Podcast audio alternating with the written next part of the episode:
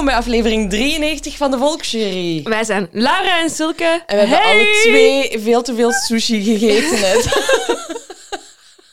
dus als er boertjes komen of wat dan ook, het heeft daarmee Het is te een maken. kleine maakie dat terug naar boven. Ik had niet kunnen koken, dus Laura is zo lief geweest om Dat is sushi te niet gaan waar. Je hebt zelfs niet... Ik heb voorgesteld, zal ik eten gaan halen? Nog voor je zei, ik kan niet koken. Ja, maar ik... Ja, maar ja. Ah, pak het aan, jongen. Ja, dank u. Dank u. was heel lekker, veel te Elke veel. keer als ik naar hier kom, maakt hij eten. Dus ik stel eens voor om eten te gaan afhalen en dan... Take it. Amai, maar getekend heb ik. Getekend. Oh, wauw. Alles oké, Yoda? Getekend heb ik. Eh Silke is ook een beetje wage. Wage, is dat een woord dat jij kent? Nee, Een maar ik, het is me duidelijk wat dat je ermee Mm, bedoelt. Eh, ja, laatste week voor ik op vakantie vertrek. Altijd en- een killer. Maar altijd. Ja, is altijd. zo. Je zou eigenlijk nog een week vakantie moeten nemen voor de week dat je op vakantie Om gaat. alles gedaan te krijgen. Alles gedaan te krijgen en zo. Maar bon. Wat heb nu- je gedaan vandaag? Vandaag was echt al een superdruk schema. Morgen een superdruk schema. Ja, vandaag nog mijn internationaal rijbewijs gaan afhalen. En Voor dan- de werkuren. Ah ja, voor de werkuren. Ehm, dus dat was ehm, ook stressy, want we konden zo niet makkelijk een afspraak boeken. Dus we vertrekken volgende week. Vandaag hadden we de afspraak. dus dat is allemaal in orde. Maar je weet dat toch zo nooit helemaal. Hè? Want ik nee. moest nog een foto maken ook. Ja. Zo van, oké, er staat een pascootje, maar gaat het pascootje ook werken? Zo, hè? Ja, ja, ja. Maar het is allemaal goed gekomen. Maar dat kost mij zoveel energie allemaal. En bon, dat is in orde. En eh, dan heb ik eh, de aflevering voorbereid. Ja, Dat was mijn dag. dat was uw dag. Hoe was uw weekend?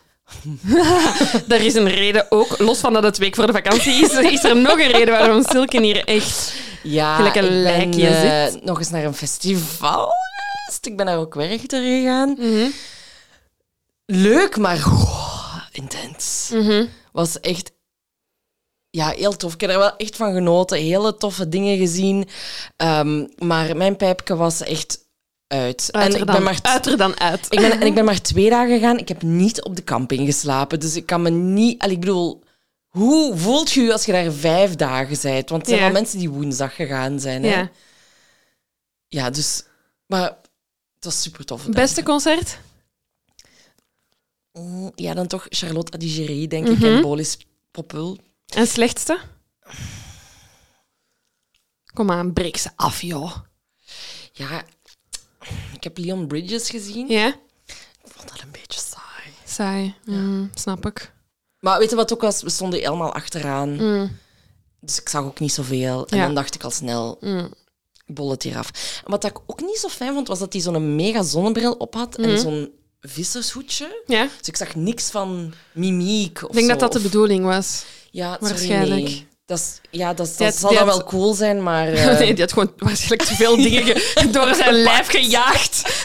en die had zoiets van, wow, mijn pupillen die moeten niet zichtbaar zijn via geen enkele engel. ja, nee, nee, ja, wat het ook mogen zijn. Ja. Ik ga er niet mee akkoord. Nee. En dan ben ik het eh afgebod. Ah ja, wat ik... Nee, sorry, ik ga terugnemen wat ik zeg. Ik heb ook 21 Pilots gezien. Ja? Ik misschien heel veel mensen tegen de borst stuiten, maar dat vond ik niet goed. Die hebben raving reviews gekregen. Ja? Ik vond het niet goed. Nee. Oké. Maar het is, dat is het ding van een review en ook van een beleving van een concert. Dat is iets heel persoonlijks, hè? Ja, maar ik weet nog dat ik en, en een collega daar stonden Mhm. en iedereen rondom ons was zo... "Ah," en wij zo... Dit, Nope. dit voelen we niet. Dit voelen we niet. Maar de peppers waren goed. Was heel leuk. Dus een goed weekend gehad, maar ik voel dat ik echt gewoon Dood ben. dood ben en tijd nodig heb om te recupereren. Mhm. Dus als ik weer niet uit mijn woorden kom vandaag, dan weten we waar het aan ligt. Hoe is het met u? Goed, goed, goed. Ja, ik ben ook weer naar een festival geweest dit weekend. Ehm, vrijdag naar Paradise City. Ehm, en voor de rest, ja, ik weet het niet. Ik ben ook zo weer heel veel aan het plannen. Ehm, en dan ergens toch dit weekend beseft, Laura, dat boek, dat schrijft zijn eigen niet. Ehm, en ik ben nu wel in een goede boekflow momenteel. Omdat, maar dat is ook gewoon, en jij kunt daar niet aan doen, ehm, omdat jij op vakantie gaat. Ja, En dan heb ik, dat geeft mij tijd. Want Mhm. eh, anders moeten wij over heel veel andere dingen communiceren en met de afleveringen bezig zijn. En nu zijt jij er even niet, dus nu weet ik van oké, nu kan ik schrijven, schrijven, schrijven. Want ik heb even geen andere volksjury dingen aan ja. mijn hoofd. Ja, en ik ga Ehm, dat hebben als je op Als ik weg vakantie ben. bent. Ja. Ja. voilà. Dus dat is goed. Dat is goed. Ehm, ik heb een podcast-tip. Ja, Missing Crypto Queen. Ken ik niet. Eh, het is van een podcast van de BBC. Dat zeggen ze ook bij de aanvang van elke aflevering. Ja. This is de BBC. Dan denk ik, ja, oké, goed. We- Weet ik al vier afleveringen dat jullie de BBC zijn. Ehm, het gaat over een, eh, een, een vrouw die aan het hoofd staat, of stond, of staat, dat is de vraag, want she's missing, eh, van OneCoin, een soort ehm, cryptomunt, dat eigenlijk geen cryptomunt blijkt te zijn. Want ehm, eh, je kon de munt aankopen en je kon erin investeren, maar je kon de munt niet, je kon er niet mee betalen en je kon de munt niet terug omruilen naar euro. Ehm, en ze hadden ook geen blockchain. Dat zijn allemaal dingen dat je, dat, waar ik ook niet wist waarover het ging, maar door, ze leggen het allemaal Ah, heel ja, goed uit in de podcast. Ehm, maar het is sowieso wel iets, en dat is iets des mensen, denk ik, maar zo van, ik snap crypto niet, dus ik vind het iets raar. Ehm, en dan luister ik naar dit soort podcast, waar die vrouw dus echt aan het hoofd stond van die OneCoin. En die is echt met biljoenen van mensen. Die is, zij is verdwenen van de aardbol. Het bedrijf is over, allee, of wordt, is in handen nu van haar broer. Die is dan opgepakt door de FBI, maar zij is nog altijd missing. En zij was wel echt zo ja, de leider slash cultfiguur van die eh, OneCoin. Ehm, heel interessant. En eh, dus het gaat over dat zij vermist is. Ze leggen dan heel die OneCoin uit. En ze gaan ook echt ook op zoek naar haar. Ah, goed. Oké. Dus Echt het is als zo... in, we zijn, haar, ze is geland in Athene en dan ontbreekt elk spoor. Ik weet dat ze een jachtschip heeft gehad, dus nu zitten ze in Athene op zoek naar haar. Ehm, en tegelijkertijd spreken ze met mensen die dat eh, OneCoin hebben aangekocht, eh, die dat zo, ja, dat is zo multilevel marketing. Dus Mhm. eh, ik verkoop aan u, jij verkoopt aan twee mensen en ik maak aan de top daar nog altijd... allee, de, Ja, de pyramid, Pyramid eh, scheme. scheme, ja, dat dus. Ehm, dus spreken ze daar met mensen over. Heel interessant. En zo leer ik toch een beetje wat crypto is. Kijk goed. Dus ehm, het is echt meer mysterie dan je zou denken. Ik dacht, ik heb geen podcasttip, maar dat doet mij nu denken, nu dat we het hierover hebben, Ja. dat je van iets niet weet waar dat er eigenlijk over gaat. Heb ik naar, naar een podcast van de tijd ge- geluisterd. Oké, woman. Voor de verandering, eh, Metaverse, denk ik dat het heet. Ja. Ehm, of heb ik dat nu al eens getipt? Ik weet Nee, het niet. nee, je hebt dat nog niet getipt. Ehm, en daar wordt eigenlijk in vier afleveringen uitgelegd Wat dat is. wat dat, dat is, wat, dat, wat voor functie dat, dat dat kan hebben in ons dagelijks Mhm. leven. En zo, ik dacht, nu weet ik het. Oké, Allee, ja, ik denk het ja. te weten. Maar bon, interessant voor mensen die... Want dat komt nu om de zoveel, ha- allee, om de zoveel tijd wel eens naar boven van de metaverse. Ja. eh, met Facebook en weet ik veel. ehm, Ja. eh, dus ja, interessante aanvulling op eh, naast crypto. Kijk, we zijn weer helemaal mee met 2022. Ja, we proberen helemaal mee te zijn. Ehm, ja, en dan, jullie hebben het waarschijnlijk op onze socials gezien, hadden wij een Oh. heel leuk evenementje vorige week. Ehm, ja, was heel tof. We zijn, waren uitgenodigd om eh, ja, naar de screening te gaan van de eerste twee afleveringen van Only Murders in the Building, seizoen 2. En oh my god, het was echt on point gewoon. Ja, voor de mensen, ik, we gaan hier, dit, hier begint de spoiler alert. Hè. Seizoen Ja. 2 staat sinds 28 eh, juni, komt er wekelijks op Disney Plus een aflevering. Eh, dus jullie zijn op dit moment, als je mee aan het volgen bent, mee, want er zijn dan al twee afleveringen verschenen. Ja. Ehm, dus dan kun je gewoon rustig verder luisteren als je al hebt gekeken. Anders begin met skippen. Want we gaan toch een beetje spoilen. Het event aan zich was echt al crazy. Ja, want het was ook zo, hè, er werd eten voorzien en dergelijke. En wat bleek? Dat bleek van Dilmas te Ja. zijn. En ik, mijn frank viel niet meteen. Ik zo, maar ken, dat ben ik daar al eens geweest. Ja, zo, is dat een restaurant hier in Brussel? Ik zei, maar nee, dat is de sponsor van de podcast in de Rijks. Ik zo, Ja. oh my god, ja. En ehm, De portier werd opengehouden Ja. door zo een doorman gelijk in het, eh, in het Astoria-gebouw in New York. Ah, het was echt... Het leek er allemaal zo goed op. Ze hadden een hele kamer ingericht. Ehm, ja, in het Flaget-gebouw Ja, in in, het- ja, Brussel. ja. Ja, ja dus het was... En ook, ehm, ja, je kon zo foto's nemen. eh, ja, voor zo'n Voor zo'n, ja, nee, zo'n politie, dat je zo'n screenshot had. Nee, screenshot, een, een mugshot. mugshot hebt, ja. van bij de politie. Dus er was over alles echt goed nagedacht. En dan mochten we natuurlijk gaan kijken. Hè? Ik, ehm, ik, vind het, ik vond het eerste seizoen leuk, vermakelijk, maar het is echt leveling up voor mij. Ik heb er nog zoveel aan teruggedacht. En het is ook, ja, vanaf volgende week kunnen we eindelijk verder kijken, hè, Ja. want we hebben de eerste twee afleveringen gezien. Het is leuk. Iedereen is echt, ja, extra... Ik vind ze extra... Ik heb hardop gelachen. Je- Ik lach... Ik heb u gehoord lachen. Ja, je zat naast mij, dus je hebt wel veel gehoord. Maar ik, ik lach uit mezelf wel best spontaan al snel met dingen. Maar ik heb echt veel gelachen. Het was heel grappig. Ehm, ja, de major cliffhanger is direct al zo'n beetje opgelost. En dat is heel leuk. Maar er zijn heel veel nieuwe leads. Ja. Nieuwe, Nieuwe perso- personages. Ik wist dat je dat ging zeggen. En ik heb zo hard moeten lachen met de entree van Amy Schumer, omdat die zichzelf speelt, maar En- ook niet. Nee, want dat had ik dus niet door in de trailer. In de trailer dacht ik, ah ja, ze zal gewoon wel een rol spelen.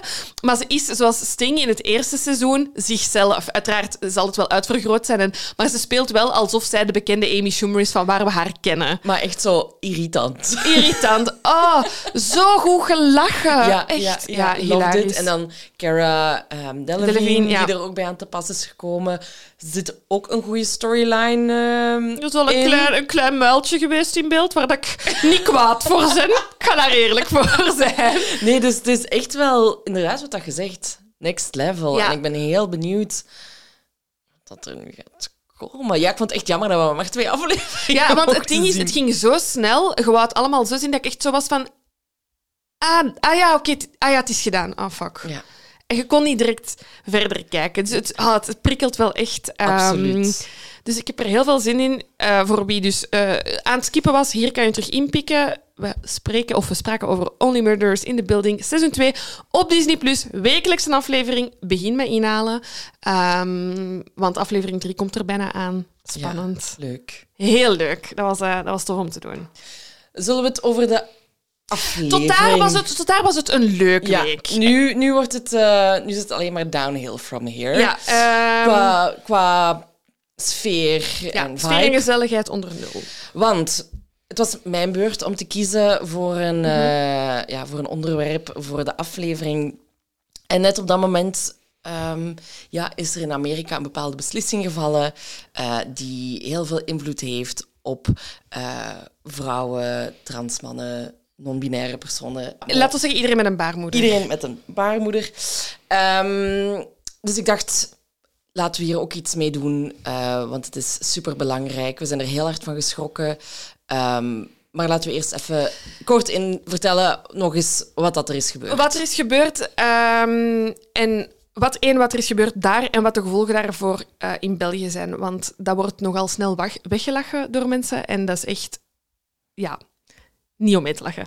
Ik ga, net zoals Silke, waarschijnlijk heel veel kwaad zijn en, en, en gefrustreerd. Ja, ik ben nu al een beetje aan het koken. Maar bon, goed. Ik heb ehm, echt zo spreekbeurtgewijs echt de hele shebang opgezocht. Wat is er in Amerika gebeurd? Ehm, Roe versus Wade is een arrest en dat is omgedraaid, overturned, zoals ze in het Engels zeggen, door het Amerikaanse Hooggerechtshof. Dat is een arrest dat in 1973 werd doorgevoerd. Het Hof heeft toen beslist dat de toenmalige abortuswetgeving in de Verenigde Staten, dus in 1973, dat die ongrondwettelijk was. Waarom was dat zo? Het Hof oordeelde dat de wetten van abortus, die op dat moment per staat waren, dus Amerika bestaat op dit moment uit 50 staten, denk Ja, ik. denk het. Ehm, en elke staat mocht toen voor zichzelf beslissen hoe ze met abortuswetgeving omging, omgingen. Er is een vrouw die op dat moment zwanger was van haar derde kind naar het Hooggerechtshof gestapt, gezegd ik wil abortus plegen en ik mag dat niet. Volgens mij is dat een beslissing dat toch onder zelfbeschikking of privacy valt. En dat is een grondwettelijk recht. Dus de abortuswetgeving in mijn staat is volgens mij ongrondwettelijk. De staat heeft daar, eh, is daarin gevolgd en zij hebben dus gezegd oké, we stoppen met die wetgeving op statenniveau en we hebben één grondwettelijke wet die abortus legaal maakt in ons land. Ze konden het maken per staat, maar een abortus kon niet illegaal zijn nergens in de Verenigde Staten. Die wet, Wade versus Roe, is dus overturned, wat betekent dat Amerikaanse staten sinds vorige week hun eigen abortuswetgeving helemaal mogen zelf kiezen. En dat heeft al... Dat, dat, dat- die beslissing is gevallen. 22 staten van de 50 hebben per direct gezegd: er gaan limieten komen, er gaan restricties komen. Van die 22 staten hebben er 13, 13 staten gezegd: bij ons is het gewoon gedaan. Volledige ban van abortus. Er zijn 16 staten die nu al hebben aangegeven dat ze de landelijke wetgeving willen vasthouden. Nu kun je afvragen, afvragen van, mm, dat is toch raar en bij ons zou dat toch nooit door een court beslist worden en hoe komt dat? Heb ik ook even opgezocht.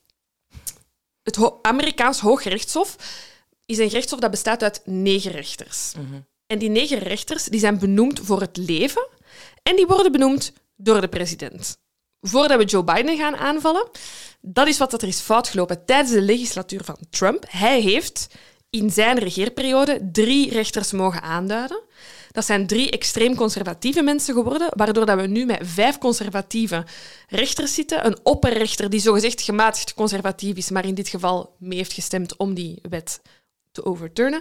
En drie progressieve rechters. Dat betekent bij elke beslissing dat zij de rest van hun leven, hè, want dit gaat niet over de, een, een, een regeerperiode, dit is voor de rest van hun leven, dus tot er één sterft, zal die stemming altijd in de meerderheid conservatief zijn.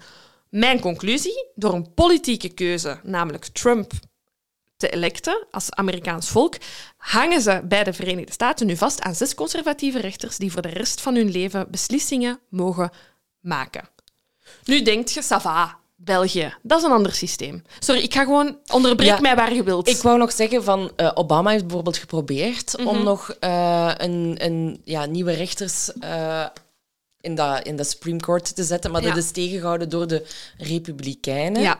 Ehm, terwijl bij Trump uiteraard was dat allemaal geen probleem. Mhm. Dus dat is, er, er kloppen gewoon zoveel dingen niet aan. En nu zijn er negen mensen, Mhm.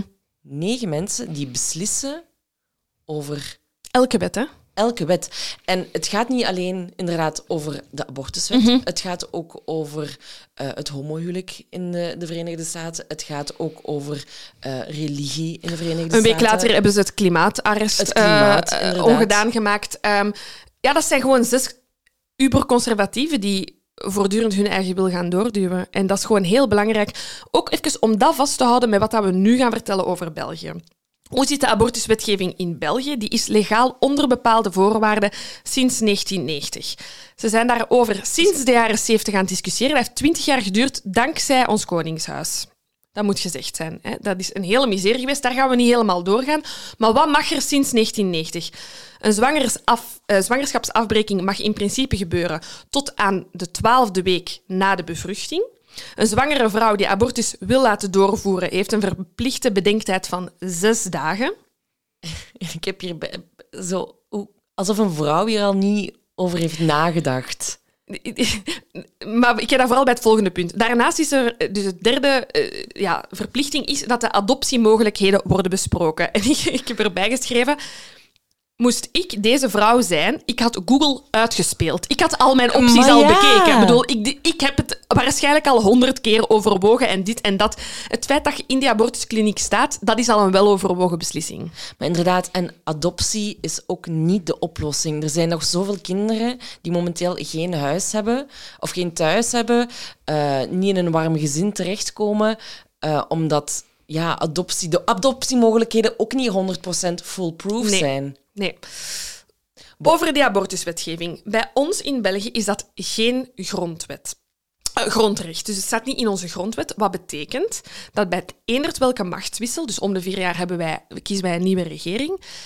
Bij elke keer dat wij een nieuwe regering hebben, heeft die regering de kans om die abortuswetgeving te wijzigen. Het ding is dat dat een heel grote discussie is geweest, namelijk eh, bijna 20, 30 jaar lang, om onze abortuswetgeving er te krijgen in de jaren 90. Dus heel lang hebben al onze partijen hun handen daaraf gehouden. Maar wat dat er in de Verenigde Staten is gebeurd, is geen ver van mijn bedshow. Want, naar aanleiding van de vorige regeringsvorming, was er het idee om de abortuswetgeving te versoepelen. We spreken dan over 2019. Dat was al een tijdje in de maak en ze wisten, oké, bij deze regeringsonderhandelingen, abortus, die versoepeling van die abortuswet, we gaan dat opnemen in de tekst van deze regering, want dit gaat worden doorgevoerd. We gaan die, ehm, die versoepeling doorvoeren. Wat was die versoepeling? We gingen van 12 weken naar 18 weken en de wachttijd van 6 dagen zou worden verkocht, verkort naar 48 uur. We zitten in de regeringsonderhandelingen. Ik wil, ik wil ook vanaf in het begin... Sorry, ik ben... Ik raak oververhit. Um, ik wil er ook even bij zeggen, we weten, um, alle, rege alle regeringspartijen of alle partijen in België zijn op dit moment heel stil hierover, wat hun standpunten in 2022 zijn. Uh, er zijn een paar uitzonderingen. Dit gaat over dus de standpunten uit 2019. Dus ik heb echt geen zin in DM's van uh, lokale partijbesturen. Ik weet niet wat jullie standpunten nu zijn, want het staat niet meer op jullie website. Hè. Dit gaat over hoe dat jullie in 2019 hebben, eh, hebben gesproken. De eerste die hun mond hebben opgedaan is CD&V. En die hebben zoiets van, kijk, als jullie willen dat wij deel worden van deze regering, dan komt deze versoepeling er voor ons niet. Wij willen dat hier nog eens goed wordt over nagedacht. Niet veel later volgt CDH, wat dat de Franstalige tegenhanger van CD&V is, en NVA. Die zeggen allemaal hetzelfde. Wij stappen niet in deze regering als deze versoepeling wordt doorgevoerd. Vlaams Belang die ging nog verder. Die dachten dat ze ook nog deel konden uitmaken van de regering. En die zeiden: nee, nee, nee, we gaan zelfs verder. Voor ons moet de wet verstrengd worden. En abortus is bij ons alleen mogelijk als het leven van de moeder in gevaar is, wanneer het ongeboren kind niet levensvatbaar is, of in een geval van verkrachting. Dat waren de standpunten van eh, de partijen die dus tegen de versoepeling waren. Alle andere partijen waren voor de versoepeling. Daar was nog altijd een meningsverschil. Er zijn partijen die uh, het, het langer wouden, ja. korter wouden, maar die waren wel allemaal pro de versoepeling. Die spanningen, ik, ik weet ook niet of ik heb die toen heel hard gevolgd, maar ik weet dat veel mensen er niet echt mee bezig zijn. Die spanningen zijn heel hoog opgelopen. Die regering kwam er maar niet. We hebben langer erover gedaan. Uiteindelijk um, hebben ze de hete patat doorgegeven en hebben ze gezegd: oké, we gaan dit even we gaan dit even parkeren. Hm? Deze nieuwe wetgeving gaan we even parkeren. En dus nu hebben ze een onafhankelijk expertenteam samengesteld, dat ze gelukkig in de academische wereld toch al zijn gaan halen en niet uh, in elk partijbureau eentje. Dat had, mhm. had, ik ze ook nog zien doen. Dus uit elke universiteit in België is er een expert die in dat team zit. En zij gaan het wetsvoorstel moeten evalueren. Die zijn daar in alle stilte in april dit jaar aan begonnen. Maar, en dit is heel belangrijk voor iedereen die boven de 18 is, wat 100% zeker is, is dat de volgende regering die wij gaan kiezen, gaat stemmen over die nieuwe wetgeving. Onafhankelijk van, onafhankelijk van wat dat, dat expertenteam zegt, in de volgende legislatuur gaat er iets over abortus verschijnen.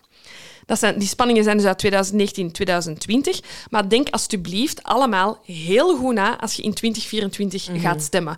Kijk goed, tegen dan gaan partijen zich opnieuw moeten uitspreken over abortus. Ze gaan hun standpunt moeten innemen ik kan jullie niet verplichten om dat een belangrijk punt te vinden. Voor mij is dat iets heel belangrijk, want dat zijn vrouwenrechten. En ik zou liever meer vrouwenrechten hebben dan mijn grootmoeder dan minder. Mhm. Dat is gewoon voor mij iets dat heel belangrijk is. Maar kijk hoe na, want op wie gestemd die mensen als zij in de regering zitten, gaan stemmen over die abortuswet. En we weten uit corona leren eruit. Er is een expertenteam voor corona geweest. De regering heeft ook soms tegen de experts hun, hun advies in gehandeld. Goed of slecht, daar kan iedereen zelf over oordelen. Het is niet omdat er nu een onafhankelijk expertenteam is dat die wetgeving gaat volgen naar wat die experts zeggen.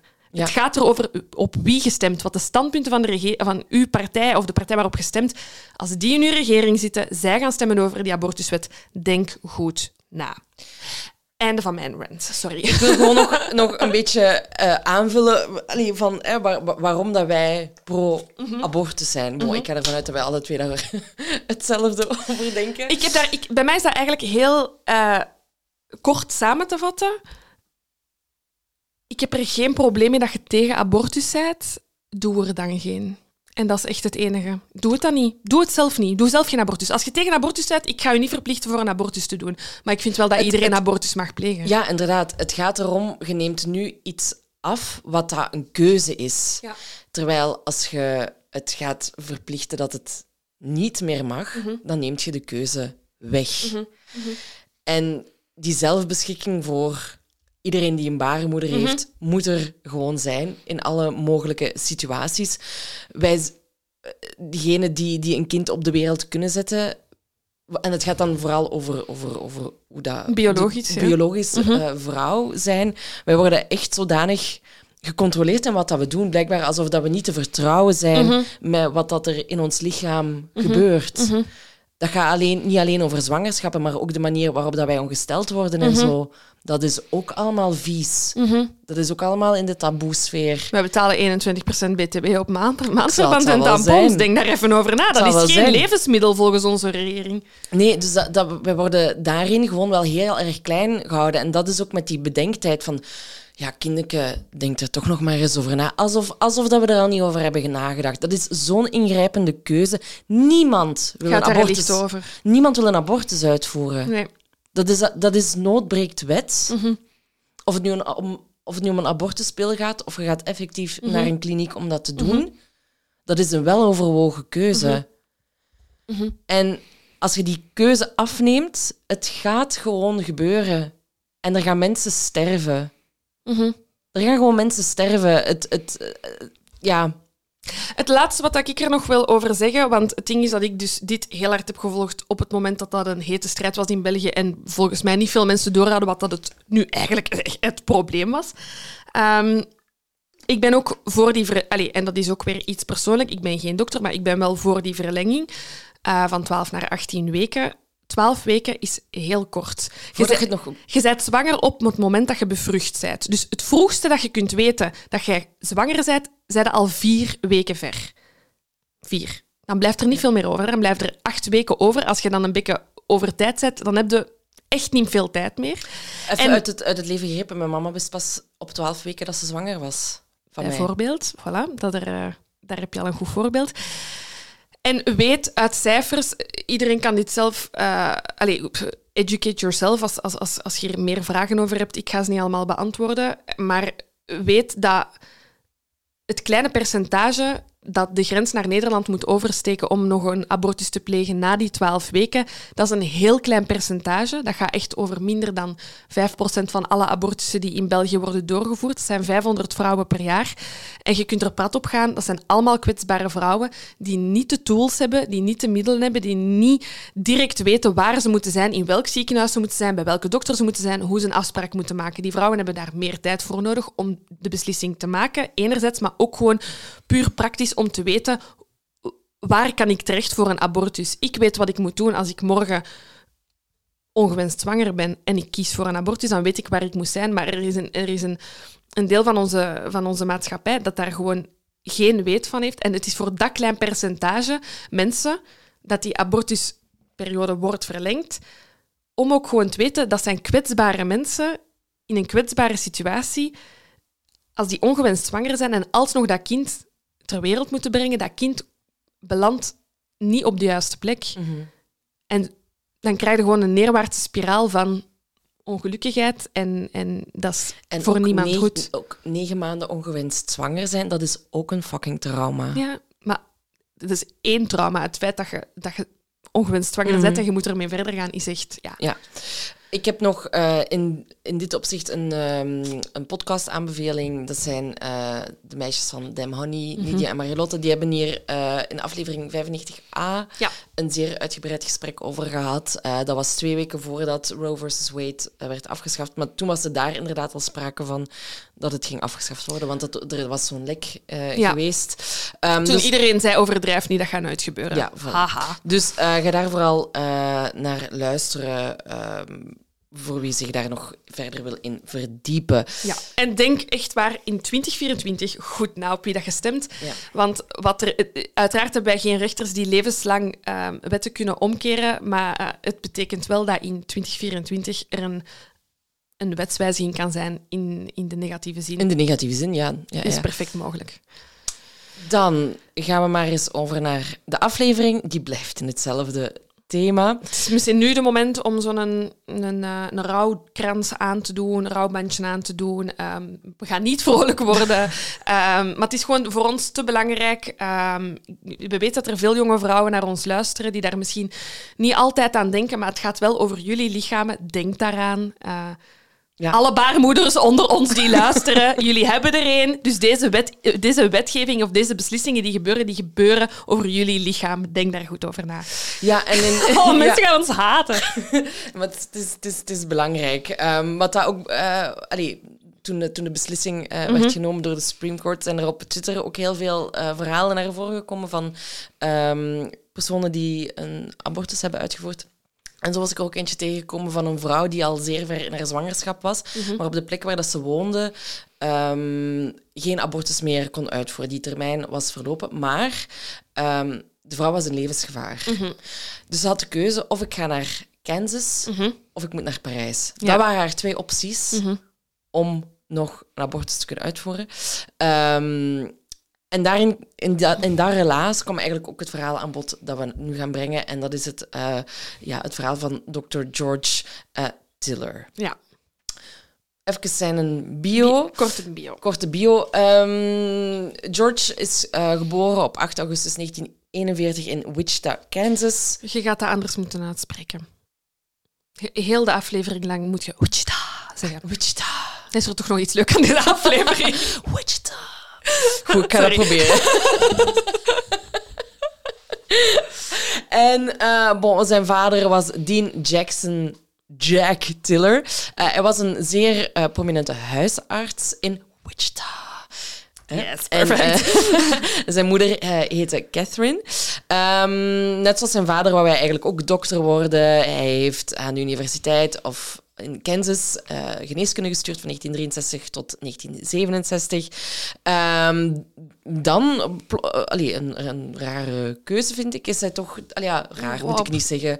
Een onverwacht... Als je ziet wat dat zijn droom eigenlijk is... Ik weet het, maar het zijn de Verenigde Staten. Het Het zijn de Verenigde. Staten. Hij, gaat die- het hij gaat het leger in, hij Ja. gaat naar de Navy en ehm, wordt daar eigenlijk eh, chirurg. ehm, en hij doet dat een jaar. Heel tof, hè? Dus ehm, eh, eh, flight surgeon. Dus dat betekent dat hij in van die kleine, eh, ja, half gemotoriseerde vliegtuigjes, zo ja, van schip naar schip, of als er zo'n oefening was geweest en er waren gewonden, dan zat hij zo klaar om ehm, de operaties uit te voeren. Maar zijn passie ligt toch ergens anders, hè? Ja, heel grappig. Dus in juli 1970 was hem van plan om naar Californië te trekken om daar dermatoloog te worden. Dat, is, dat was zijn grote droom, om dermatologie te doen.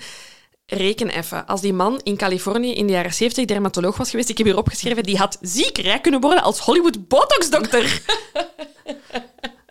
Helaas. Helaas gebeurt er iets ja, eh, best traumatisch. Hè? Ja, ik, ik wil gewoon nog even zeggen dat hij ook getrouwd is en drie dochters en een zoon heeft. Maar dan, Dan al? Ehm, nee, dan nog niet. Dat weet ik niet. Hij heeft gewoon in zijn leven Kinderen- ergens kinderen zijn vrouw kinderen. gemaakt. Ja, Ja, inderdaad. Eh, maar zoals Laura zegt, inderdaad gebeurt er iets traumatisch. Het noodlot slaat toe. Ja, op 21 augustus 1970. En het is echt wel zo een beetje echt noodlottig. Dus zijn, zijn eh, beide ouders, zijn zus en zijn schoonbroer, zijn eh, ja, gestorven in een eh, vliegtuigaccident. Maar ja, hij heeft dus heel die legerperiode daar in die vliegtuigen gezeten, in ja, gevaarlijk gebied waarschijnlijk. Ja. Die komt, Bizar. ja, komt veilig thuis en dan verliest hij zijn ja, halve, nee, bijna hele familie eigenlijk in een aircraft accident. Ja, en wat daar opvallend is, dat in het testament van zijn zus ze aan George had gevraagd van kijk, ehm, ik heb een eenjarige zoon. Als er mij iets overkomt, moet jij voor hem zorgen. En dan En toen kwam hij op het idee, al die kinderen, dat zijn er te veel. ik word abortusdokter. Nee, dat is niet waar. Dat is niet waar, dat is niet waar. Sorry. Nee, ehm, Ik probeer gewoon de sfeer erin te houden. de intentie. De intentie was er. Ehm, dus eh, George beslist van terug te gaan naar Wichita. En in eerste instantie bedoelt Wichita. Wichita, eh, sluit hij de, eh, de huisartsenpraktijk eh, en wil hij teruggaan om dermatoloog te worden. Mhm. Maar hij voelde toch enige pressure om de huisartsenpraktijk over te nemen. Ja. Ehm, en ja, ik, ik snap dat. Al die oude makers daar in Wichita, die, die zo... Oh, ga jij de praktijk van uw papa overpakken? En, maar pas op, George denkt dat het in eerste instantie om een gewone huisartsenpraktijk Ja, gaat. maar tot, niks is tot- normaal in tot- tot Wichita. hij van eh, patiënten de vraag krijgt of hij, net zoals zijn vader, ook abortussen zal uitvoeren. En George was zo... Waarom noemden ze mijn... Hij was echt eerst tegen abortus ook. Ja. Hè? Hij was zo- zodanig in shock van hoe kan het dat mijn vader dit gedaan heeft. Mhm. Maar hij hoort dan inderdaad van een vrouw die een illegale abortus heeft laten uitvoeren. ehm, die sterft daarvan. Ehm, hij leert nog heel veel bij van zijn patiënten. Mhm. En heeft dan zoiets van... Oké, ik moet dit verder zetten. Ik moet deze vrouwen kunnen En helpen. Hij zegt daarover, eh, ik heb een documentaire gezien, die staat op YouTube van MSNBC, eh, over deze zaak van het gaat om het redden van vrouwen. Ehm, ik ben er helemaal van overtuigd dat dit het juiste is om te doen. En ehm, de fundamentele vraag is, is de zwangere vrouw mijn patiënt of is het kind de patiënt? En hij gelooft helemaal 100% dat de vrouw, degene met de baarmoeder, de patiënt is. Ja. Ehm, ik heb over eh, over George nog ehm, dat hij heel zijn leven eh, wel last allee, heeft gestruggeld heeft met, ehm, eh, met verslavingsproblematiek. Het, met als ja, een dieptepunt zeg maar in 1984. Dan is hij gearresteerd omdat hij aan het rijden was onder invloed. Hij is in behandeling geweest en is dan... want als dokter was dat natuurlijk niet het allerbeste dat, hij, dat u kon overkomen. Is hij voor een medische raad moeten eh, passeren in Kansas, maar hebben ze hem dan toch eh, na die ja, eh, rehab zeg maar, terug toegelaten als, als arts. Ja. En Maar ja, die man heeft al zoveel meegemaakt in zijn leven, dus Het zal wel je zijn. voor minder. nu, ja, bon, we zijn in Kansas, Trouwens, voor de mensen, weet jij waar Kansas ligt? zo in het midden, hè? Maar echt, je zegt zo, zo in het midden. Ik heb dat opgezocht. Dat is echt, bedoel, dat is echt dartspijltje midden. Ja, ja, ja. Dat is echt één vierkant blokje. En ik was zo, ja, dat is echt het midden. Dat is echt het midden. echt het midden. echt het midden. Eh, op dit moment is, eh, staan, staat er een eh, democratische vrouw aan het hoofd van Kansas. Kijk, kijk goed.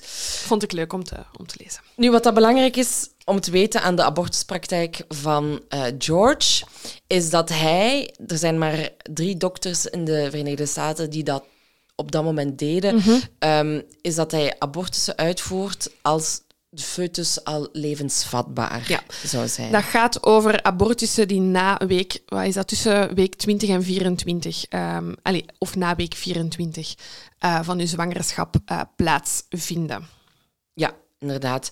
Ehm, dus ja, voor veel anti-abortusgroepen is dat een reden om, eh, om George te haten. Het is, het is geen reden om te haten. Ik kan wel begrijpen dat conservatieve mensen het daar moeilijk mee hebben. Dat kan ik begrijpen. Ja, want je moet ook snappen, die gaan er echt vanuit dat kinderen vermoord worden. Hè? Je weet hoe ons land op zijn kop stond met Dutroux. Ja.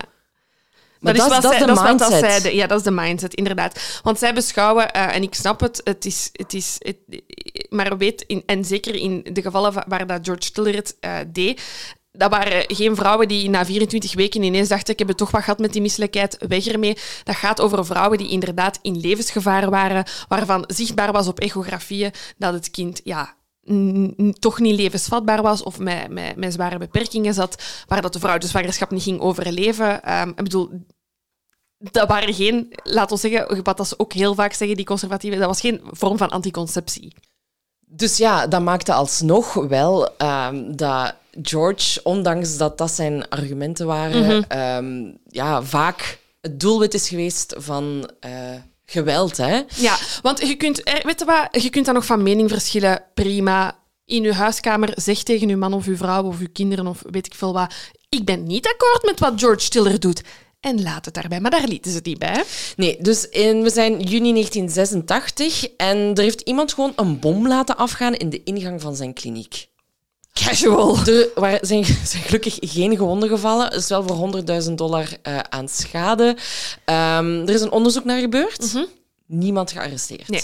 En dan George had zoiets van, weet je, ik ga dat eens niet laten passeren. En hij zou kwaad kunnen worden, hij zou agressief kunnen worden, maar hij lost het op met humor. Hij hangt een heel groot plakkaat aan de ingang van zijn, eh, van zijn praktijk waarop staat Hell no, we won't go. Ik denk ook dat hij dat zo zei. Eh, wel, het, het zal wel zijn, we zijn in Kansas. Hè? Kansas. Eh, wat hij ook nog doet, hè, dat moet toch opnieuw opgebouwd worden. Ehm, hij maakt er wel een fort van. Ze. Ja. Ehm, hekken, poorten, metaaldictoren, heel veel van die grote, gigantische lampen, dat alles zichtbaar was. Eh, kogelvrij glas in de ramen. En dan op een gegeven moment ook nog zelfs gewapende bewakers. En de dag na de aanslag dacht George, ik ga terug gewoon werken. Ze. Ja, Voilà, dat was, het- dat was dat. volhouden. En dan ehm, vijf jaar later, in juli 1991, er zijn prachtige beelden van in die documentaire. Ah, ik heb er ook foto's van gezien. Ja. Eh, de prachtige conservatieven hadden een tof... Een, een, een, een ja, Zomerevenementje. Een tof conceptje bedacht. Ze noemen het The Summer of Mercy. Summer of Mercy, dat zijn duizenden anti-abortus. Ik ga ze niet pro-life noemen, want Nee. dat, is, dat klinkt veel te Ik ben ook pro-life. Ah ja, het ik bedoel, zijn. love life. love it. Love life. Ik ben pro-life, gewoon niet anti-abortus. Dus onze duizenden anti-abortusbetogers die komen naar Wichita. En, ehm, ja, die, Dank u. Echt waar. Dank u wel. en ja, wat, wat gaan die doen? Die nemen hun plek in aan de eh, abortuskliniek. Hè. Ehm, velen waren eigenlijk eh, lid van Operation Rescue. Ja, klinkt ook weer zo als een missie uit Wereldoorlog 2. Dus een anti-abortusgroep, uiteraard. De, is in 1988 opgericht. En het ging eigenlijk... De, het, de tactiek die ze hadden was burgerlijke ongehoorzaamheid. Dus wat deden ze tijdens de Summer of Mercy? Oeh, burgerlijke ongehoorzaamheid. Nu, het had wel implicaties, helaas. Eh, ze blokkeerden de toegang tot Ja. de kliniek. Ze versperden de weg. Ze ketenden zich vast aan wagens. Riepen naar patiënten die wilden passeren.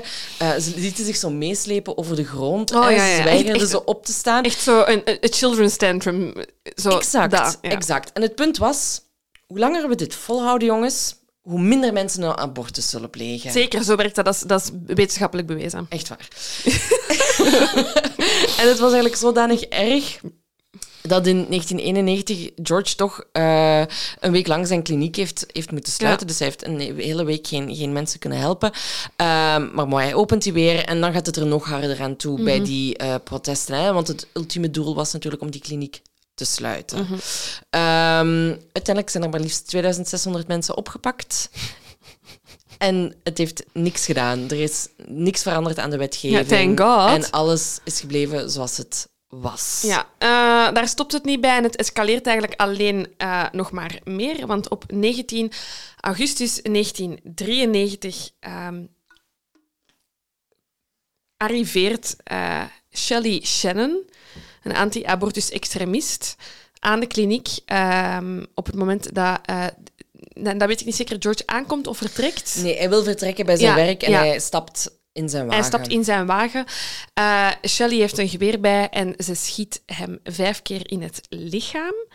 Ehm even over Shelley. Oh, eh, ja, nee, spoiler alert, hij overleeft het. Ja, ik, ik wil gewoon nog eh, even zeggen dat ehm Shelley dus blijkbaar op hem af is gestapt met een anti-abortus pamflet. Ja, Zo van, hier ga ik de dokter mee kunnen overtuigen. ja ik ga hem, ik ga En, hem redden. ja. George was niet onder de drink indruk en dan uit irritatie heeft hij zo zijn middelvinger opgestoken. En het is daarop Daarom is ze beginnen is schieten. Ah, oké.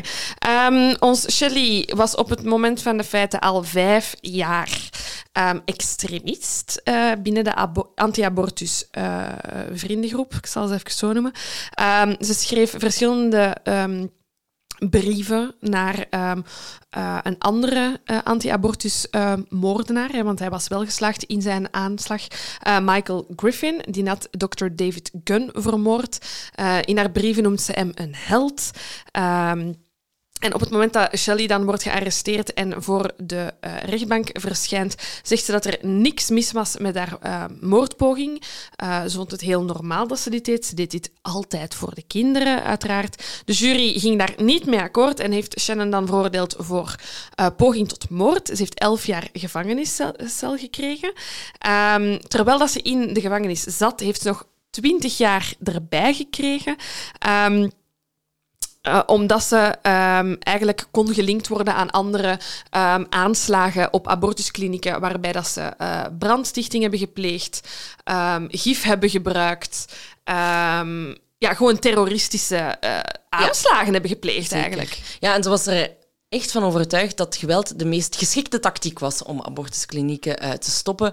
En iemand in de documentaire zegt ook, gelukkig kon ze niet goed schieten, want eh, George was in zijn armen Mhm. geraakt. En George heeft daar ook nog over gezegd van, ja, ik dacht eerst dat ze gewoon met rubberkogels mij beschoten. Ja, ik ben niet bang van rubberkogels, dus ik wou iets Nou. ondernemen, totdat ik al het bloed zag. Mm. Ehm, en die mens is naar het ziekenhuis overgebracht, Ja. uiteraard. Eh, en heeft dan ook weer de volgende dag gewoon weer beginnen werken. Die is zijn, Ah. zijn armen in het verband en hup meteen weer aan de slag. Ehm, en hij zegt van ja, ik ben net zoals mijn patiënten.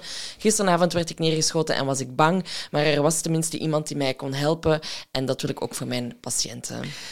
Maar met die, met die extremisten moet je mij toch even eens uitleggen. Dus elk leven is belangrijk. Het leven van een ongeboren, ongewenste eh, eh, ja, cel op dat moment vaak nog. Zelfs nog geen foetus. Maar het leven van die dokter is dan niks Ik ga waard. dat uitleggen. Ja, dank u, want ik begrijp het niet. Het is een intimidatietactiek. tactiek. Want als ik één dokter dood, dan heb ik er misschien honderd bang gemaakt die ermee stoppen. Dus dat is de, dat is de redenering Oké. daarachter. Ja. Van ik, als ik iemand dood, als ik duidelijk maak dat mijn Ja. dreigementen serieus zijn, ja, dan hoop ik dat dan, dan gaat de rest waarschijnlijk er toch mee stoppen, uit angst om ook gedood te worden. Dus dat is zo'n beetje de redenering daarachter. En het is, ja, het, gaat, het, slaat op, op niks Nee, nee, natuurlijk. nee. hè, Ja, maar nee dat- maar er is toch al meer logica achter dan dat elk leven telt, en maar het is, niet een, dat... ja. dat is, het is een gerechtvaardigde dood. Hierbij is geweld gerechtvaardigd omdat je... eh, Zegt wie? Omdat een, een Zegt ongebo- God. Ja, en om, ja, pff, dat weet ik niet, maar omdat een, ongeboren, God, kun je even bel mij. Laat iets weten.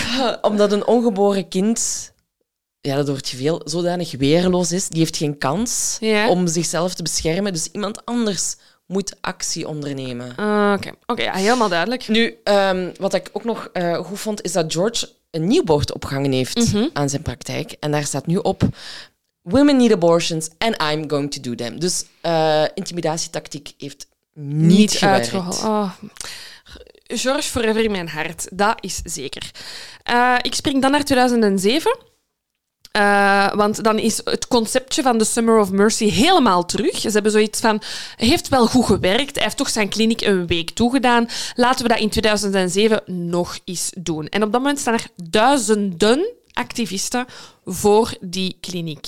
Sorry, maar doe normaal. Dat, was echt, eh, dat, dat, is geen, dat is niet UZ in Leuven of in Brussel. Hè. Dat is echt gewoon een huisarts, alleen een klein, een klein praktijk, alleen ook niet superklein, maar dat daar duizenden mensen eh, opnieuw de Summer of Mercy gaan beleven, ja, niet normaal. Niet normaal. Eh, en dan ehm, een, ook een bepaalde, alleen een, een rare intimidatietactiek is dat ze. ehm, er was een groepering, de Kansas Coalition for Life, heeft dagelijks zo een soort van kaarsje gebrand, bij wijze van spreken, en zo thoughts and prayers ehm, van 9 mei 2004 dagelijks tot 31 mei 2009. Voor de kliniek, hè? Voor de ja, kliniek. Ja, voor al die, Ja, ja, Voor, al die vermoorde kinderen. En dus ook zeggen tegen patiënten die passeren, dat wordt ook eh, eh, uitgelegd in de documentaire, van kijk, eh, in eerste instantie gaan we gewoon naar die patiënten toe en we, ze- we, we benaderen ze vriendelijk. Ja, Van, hé, hey, wat ga je doen en waarom? En dan, als ze dan merken dat de patiënt zegt van, ja, maar ik ga je naar binnen en je kunt mij nu niet op andere gedachten brengen, dan beginnen ze te intimideren. En van, dan gaan ze zo van, "But I'm your baby. En zo, allee, zo snapte zo doen alsof, het, of dat, dat wat dat in de baarmoeder zit, al, dat dat spreekt tegen dat, hen. dat spreekt tegen hen. In de hoop dat als ze dan naar binnen gaan, dat die uitspraken meenemen en dat dat hen toch nog op andere gedachten zou kunnen brengen. Dus dat is ook waarom dat die daar staan Ja, aan. Dus dat die mensen op het allerlaatste moment toch nog zouden, zouden zeggen van ik ga het switchen. niet doen. Ja. Nu, ehm, niet vergeten dat ook zijn medewerkers natuurlijk ook te maken krijgen met heel veel eh, overschrijdend gedrag hè, van George. Ja. Ehm, ja, hij was daar niet alleen natuurlijk. Nee, hij was er niet alleen. De buren van de medewerkers krijgen bijvoorbeeld eh, pamfletten in hun brievenbus van eh, wist je dat je buurman of buurvrouw eh, Een moordenaar een moordenaar is, is, ja. dat soort dingen meer. Nu, Ja, Operation, zo, ja, helemaal aware of. Geen probleem mee. probleem mee. Bye. Nu, Operation Rescue is nog niet klaar. Hè. Dat waren die van de Summer of, of Mercy. Die dienen eigenlijk vanaf 2006 ehm, verschillende klachten in bij de state of Kansas. En in 2007 hebben ze eindelijk succes. Ja, is er toch ook waarschijnlijk een conservatieve rechter die zoiets heeft van allee, kom, kom het eens Kom het maar uitleggen. eens door. Want aanklagers die zeggen van... George, je hebt 19 misdrijven gepleegd. Voilà. Op, ja, ook weer een heel bizarre Mhm. reden. Dus ehm, er werkte bij hem een dokter in 2003 in de praktijk, Mhm. waarmee hij een financiële relatie had. Dus hij werd betaald door George. Als in die kreeg een loon? Ah ja. Oké, ja. Ehm, ja. Financiële relatie. Ja, maar zo wordt het ik kan, ik kan echt tegen mijn baas zeggen, wij hebben een financiële relatie. Ja, want ik was eerst in de war toen ik dat hoorde. Ik zei, ah, financial relationship. Ik dacht, oké, ja, financiële... Ja, Ja. Mhm. America. En ehm, omdat het dus om die abortussen gaat die laat tijdig worden uitgevoerd, moet er altijd nog een tweede dokter geconsulteerd worden Mhm. voordat de abortus mag doorgaan. Van, is dit inderdaad... ehm, eh, om een, een, een vrouw die in levensgevaar Ja. is. Want hè, dan mag het uitgevoerd worden in Kansas. Ehm, dus die tweede dokter moet bevestigen dat die vrouw in levensgevaar is. Ja. Want anders mag die Dus je latijdige... komt, als vrouw, je komt als vrouw bij die eerste dokter en die zegt, ja, ik, eh, ik zeg ja, maar je moet even langs het kabinetje met dokter nummer twee, want die moet bevestigen. mij bevestigen. Ja. Inderdaad. Ehm, maar die tweede dokter moet onafhankelijk zijn. Mhm. En door de financiële relatie...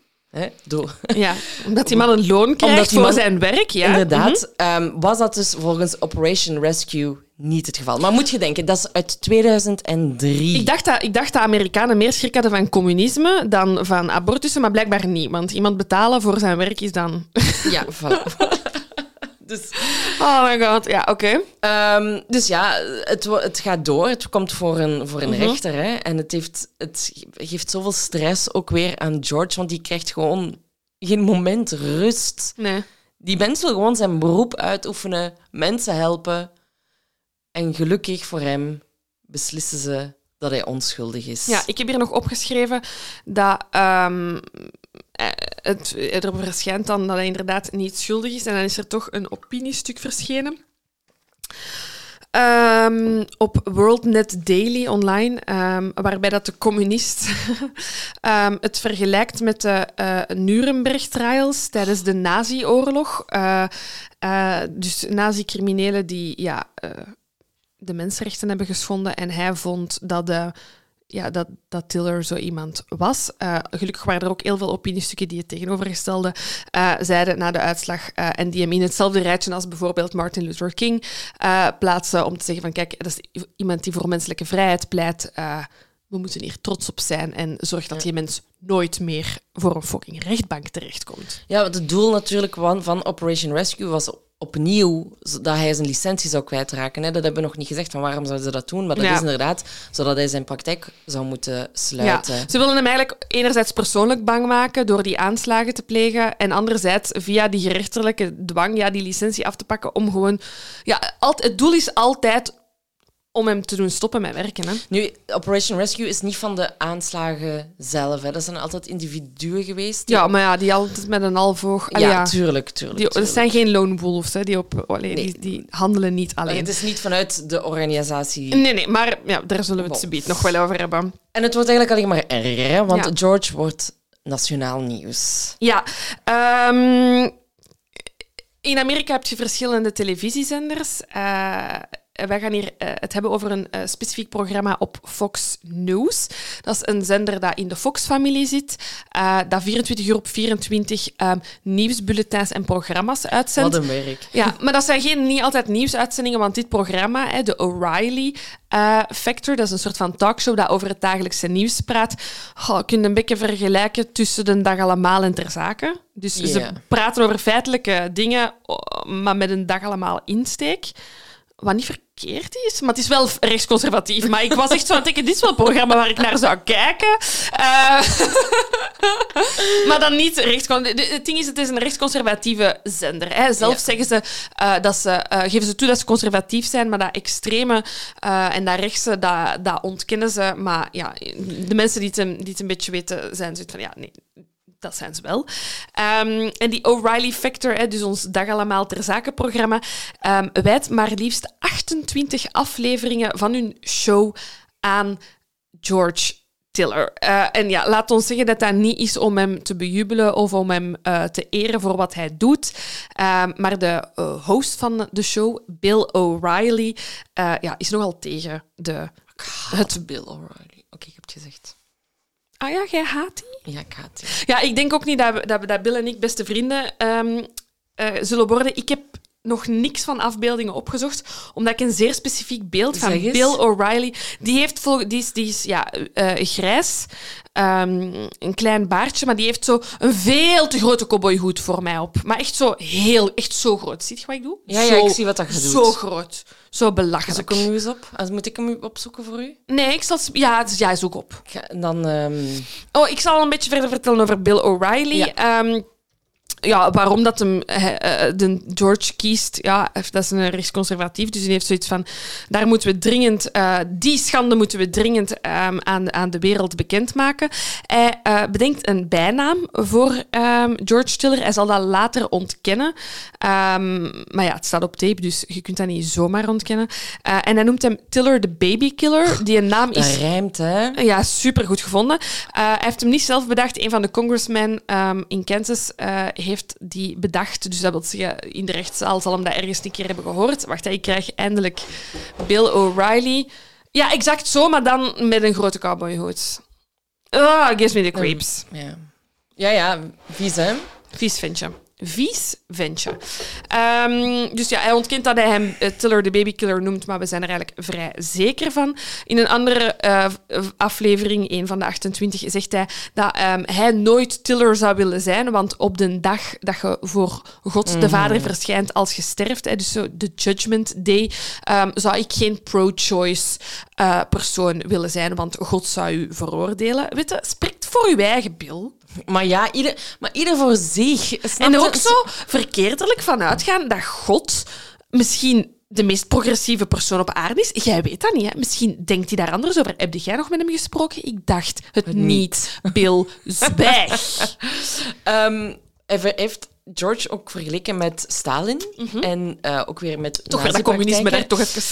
Hij, hij heeft O'Reilly... eh, O'Reilly heeft George echt wel ontmenselijkt. Ja. Dat is wel echt iets wat dat belangrijk is. Mhm. Ehm, hij was een moordenaar. En niet zomaar een kinder... eh, niet zomaar een moordenaar, maar Een een kind- babykiller. babykiller. En ja, dan gaan er heel veel alarmbellen af. Bij de kijkers bij de van kijkers. Fox News. Van, ja. Mhm. Dit kan niet, waarom wordt hier niks aan gedaan? Eh, en dan, ehm, bon, op 31 mei 2009, Slaat het noodlot toe. Ja, de dienst in de Reformation Lutheran Church in Wichita, Wichita. Wichita start, eh, da- allee, die, daar wordt de dienst gestart. En George is van dienst daar als zaalwachter. Hè. Dus hij is, Ook, ik, ik moest jij niet heel hard lachen met de Engelse vertaling ah, ja, van tuurlijk, zaalwachter. zijn, These are my confessions.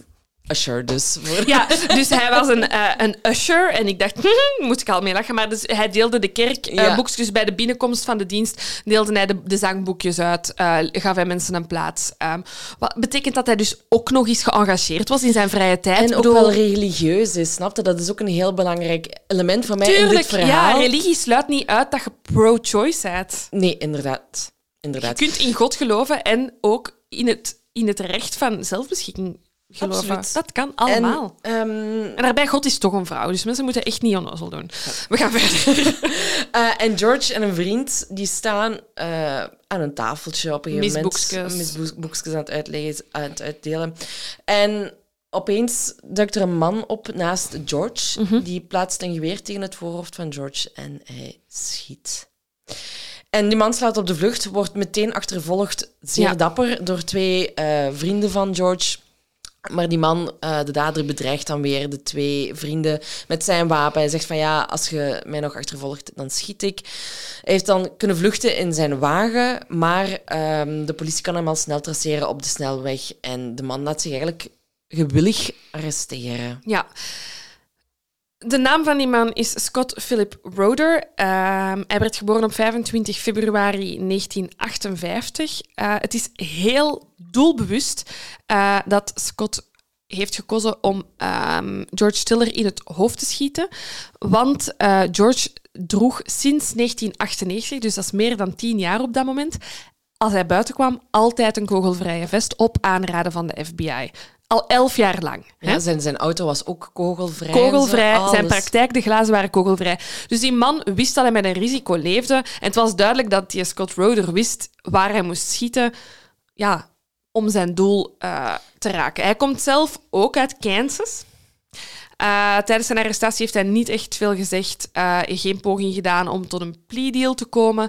Ehm, het enige wat er nog werd beslist eh, door, de, door het, op het moment dat hij werd gearresteerd, is dat hij niet werd geclassificeerd voor een capital murder. Ehm, en enkel bij een capital murder, ik vermoed dat dat als een categorie gelijk met voorbedachte raden of zo, ehm, maakte hij kans op de doodstraf. Maar dat wisten ze dus al op het moment dat ze hem arresteerden, dat dat niet mogelijk ging zijn Oké. vond ik interessant dat dat ja, Ja.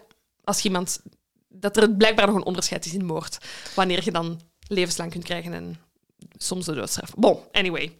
Ja, ehm, nu hij heeft in de, in, de, in de gevangenis heeft een telefoontje gedaan ehm, naar de pers. Eh, en Ook Oh. ja, goede, goede keuze, Scott. Hè. Niet uw moeder bellen, ehm, ik Of niet, uw vrouw, of, eh, kinderen. Nee, je belt de pers. Altijd als eerste. En daarin geeft hij toe dat hij de dader is. Mm. Hij heeft geschoten, hij heeft George vermoord. En ook belangrijk, hij heeft geen spijt van zijn daden. Ehm, wat dan we nog weten over Scott op dat moment... eh, is dat hij voor een soort van eh luchthaven-shuttle heeft gewerkt. Mhm. Eh, Een beetje manusje van alles. Ook een, ehm, een party rental shop. Dus ik denk waar dat je attributen kunt eh, Mhm. huren voor feestjes. Een supermarkt. Ja. hij heeft nog, ja, is nog zo conciërge geweest Ja. en zo ook allemaal. Ehm, En je zou denken, goh, dat komt uit het niks. Die man heeft een blanco strafblad.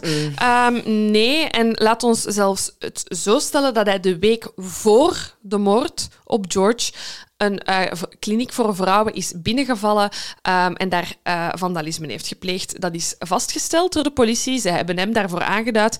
Ehm, en zowel de lokale politie als de FBI heeft niets met die gegevens gedaan. Nee, inderdaad. Hij stond dus niet op de... Hij was geen dreigement. Was Nee, nee, nee. Ehm, nu, ze gaan ook spreken met zijn ex-vrouw op dat Mhm. moment, Lindsay Ruder, ehm, denk ik dat je het uitspreekt. Ja, ik denk, ja, Ruder, Ruder, ja, Ruder. ik weet niet. Ehm, nu, zij zegt ook in interviews achteraf en zo dat Scott wel eens mentaal ziek eh, geweest zou zijn. En dat hij toen hij 20 jaar was, gediagnosticeerd was met eh, schizofrenie. Eh, en Lindsay heeft dan nog haar eigen diagnose gedaan van een bipolaire stoornis. Ja, Dus voor alle duidelijkheid, Lindsay is geen dokter, maar. Lindsay heeft toch haar eigen... diagnose gesteld. Ja. Ehm, nu, eh, ze, ze getuigt ook in de documentaire van MSNBC, die op YouTube eh, staat. En ze zegt daarin van, ja, wij waren eigenlijk best wel gelukkig toen we getrouwd waren. We waren dolblij. We kregen een zoontje samen. Eh, maar dan merkt ze eigenlijk als een zoontje drie is dat de problemen een beetje begonnen. En Mhm. vertelt ze eigenlijk over hoe dat Scott begon te radicaliseren. Ja. Ja, en eh, ik ga haar quote niet volledig voorlezen, ehm, maar ik vind het, het begin heel kenmerkend. Ze zegt, het is in 1991, 1992 begonnen en he couldn't cope with everyday life. Eh, Hij had een probleem ja, om zich in de maatschappij voor te bewegen, te integreren, zich daar goed te voelen. Hè. Hij had een job, maar hij kon de rekeningen niet betalen. En hij begreep ook niet hoe dat het kwam dat hij de rekeningen niet kon betalen. Hij werd daar kwaad van. Hij kon zijn taxen dan jaarlijks niet betalen. Daar werd hij ook kwaad van. Hij sprak daar dan met mensen over die hem zeiden... Wie verplicht u eigenlijk om die tax te betalen? Betaalt dat gewoon niet. Jij leidt toch uw leven, ieder zijn leven. Dus dat deed hij dan. Las hij zich daar dan over in van waarom betaal ik die taxen eigenlijk? Wat is het, wat is het doel? En zo begon hij stilletjes aan te radicaliseren richting ja, een anti-government, dus een anti... Ja, Gouvernementele ja, of? Ja, tegen de... Ja, een- anarchistisch eigenlijk, hè, tegen de regering, tegen de gevestigde eh, orde. eh begon zich daar eigenlijk heel, helemaal in te keren. Ehm, zijn, zijn vrouw zegt ook van, ja, dat werd heel militant. Hij sloot zich aan bij de Freeman. En dat is ook zo'n eh, ja, radicale organisatie die dat vindt... ehm dat komt er eigenlijk op neer, die vinden dat de overheid een hoax is. Ja. Ehm allee, zijn heel kort door de bocht, zijn mensen die waarschijnlijk beter kunnen uitleggen, maar eh, zo van, ja, jij bent op deze wereld, op deze, in dit land eh, geboren, ehm, maar er heeft u niemand de papier laten tekenen dat jij akkoord bent met, de, met het systeem dat hier is. Dus als jij beslist dat er voor u geen regering is, dan is er voor u geen regering. Ze moeten mij dan eerst eens komen vragen of ik akkoord ben met een regering. Ja, zo werkt de wereld niet, maar voor hen dus. Ja, ja, Wel, maar dat werd heel militant, want hij sluit zich dan aan bij die organisatie. En ze zegt, ja, en dan begon dat te gaan, eh, begonnen die gesprekken niet alleen over anti-regering te gaan, maar ook over anti-abortus.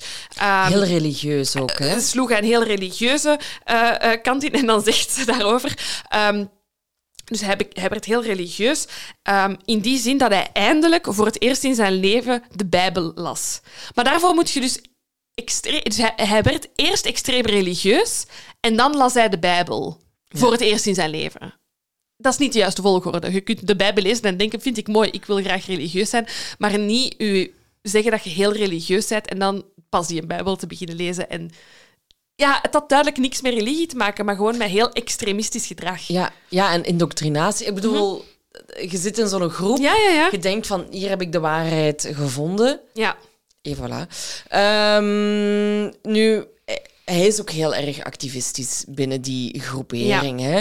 Ehm, zo wordt hij eens in, in april 1996 gestopt, ook in eh, Kansas, in Topeka. Ehm, en hij had, een, hij had geen officiële nummerplaat, maar eentje waarop stond Sovereign Citizen. En dat is hoe dat die Freeman mensen zich noemen. Ah ja. Ja, eh, waarin dat zij dus, ja, hè, zij is eh, soeverein, dat is ook zo een Europees middeleeuws woord, Ja. waar dat je zegt van, ja, ik ben een soevereine burger. Ehm, en eigenlijk is dat ook weer zeggen, fuck the government. Ik, ik, behoor, ik ben soeverein op mezelf en ik, heb, ik, ben, ik hoor niet tot jullie eh, groep. Ja, wat dat inderdaad zo gewoon een beetje tegen de schenen stampen is, want je, je moet gewoon een nummerplaat hebben, doe, doe normaal. Maar bon, daar blijft het niet bij. Nee, nee, want nee, nee. bon, hij had ook geen rijbewijs. De auto was niet geregistreerd. Dat moet allemaal geen niet voor hem. Is- Verzekering. Ah ja, bon, want dan heb je een paper trail. Ja, en dat wilde ja. niet als je sovereign bent. Ja, ja. Nu, bon, daar blijft het niet bij. Ook niet, want eh, er worden een soort van explosieven gevonden. Ehm, dus eigenlijk voldoende om echt een bom mee te maken. Mhm. Dus hij wordt ook aangehouden. Hij wordt veroordeeld daarvoor. En hij krijgt eh, 24 maanden voorwaardelijke celstraf. Yes. Ehm, nu in juli 1997, een jaar later, hè, hij is dan of zo op probation, wordt ingetrokken, want hij heeft zijn belastingen niet betaald. En hij heeft ook... Maar in zijn wereld bestaat dat allemaal niet, Ja, zulke... ja, maar ja, kijk, dat is de wereld waarin dat je geboren bent. Ehm, daarvoor krijgt hij dan 16 maanden gevangenisstraf. En hij zou dat dan moeten opvolgen met een tweejarige parole supervision. Maar hij dient daar beroep tegen aan. Ja. En Dan, kent hem, dan kent hem ineens wel Ja, de, de, ja, de, de, de gevestigde waarden, hè, als je beroep kunt aantekenen. En dat lukt. Eh, die veroordeling wordt eh, ook weer overturned in maart 1998. Ehm, en ze zeggen van ja, de, de, de, auto die. De zoektocht door de auto. Hoe zeg je dat? ja, gewoon... de ja, niet, ja, ah, ja. de, de, de search. Dus huis, ja, de zoeking, de huiszoeking, de autozoeking. De autozoeking was illegaal. Ehm, dus de- ja, ze hebben geen bewijs meer. Maar die gasten had wel dingen klaar liggen om, om een bom te maken. Maar dit is dus te gaan bombarderen. Dit is ook iets, dit is frustreert mij in ons land, blijkbaar het in andere landen ook. Hoeveel moet je nog uitsteken? Allee, hoeveel signalen moet iemand als die roader nog geven van ik ben anti-government? Ik, ik noem mezelf een soevereine burger. Ik ben aangesloten bij een extreme, militante eh, groepering. Ik heb een halve bom in mijn wagen liggen. Ik ga dan ook nog eens zeggen dat dat eigenlijk illegaal is wat dat je met mij allemaal aan het doen bent. Ik heb geen sociaal nummer. Ik betaal mijn belastingen niet. Ik bedoel, hoeveel rode vlagjes moet die mens nog zwaaien? Ik ben ook echt aan het zwaaien. Voordat die denken, "D- dit kan wel eens gevaarlijk worden. Een bom in uw wagen hebben is dus niet gevaarlijk genoeg.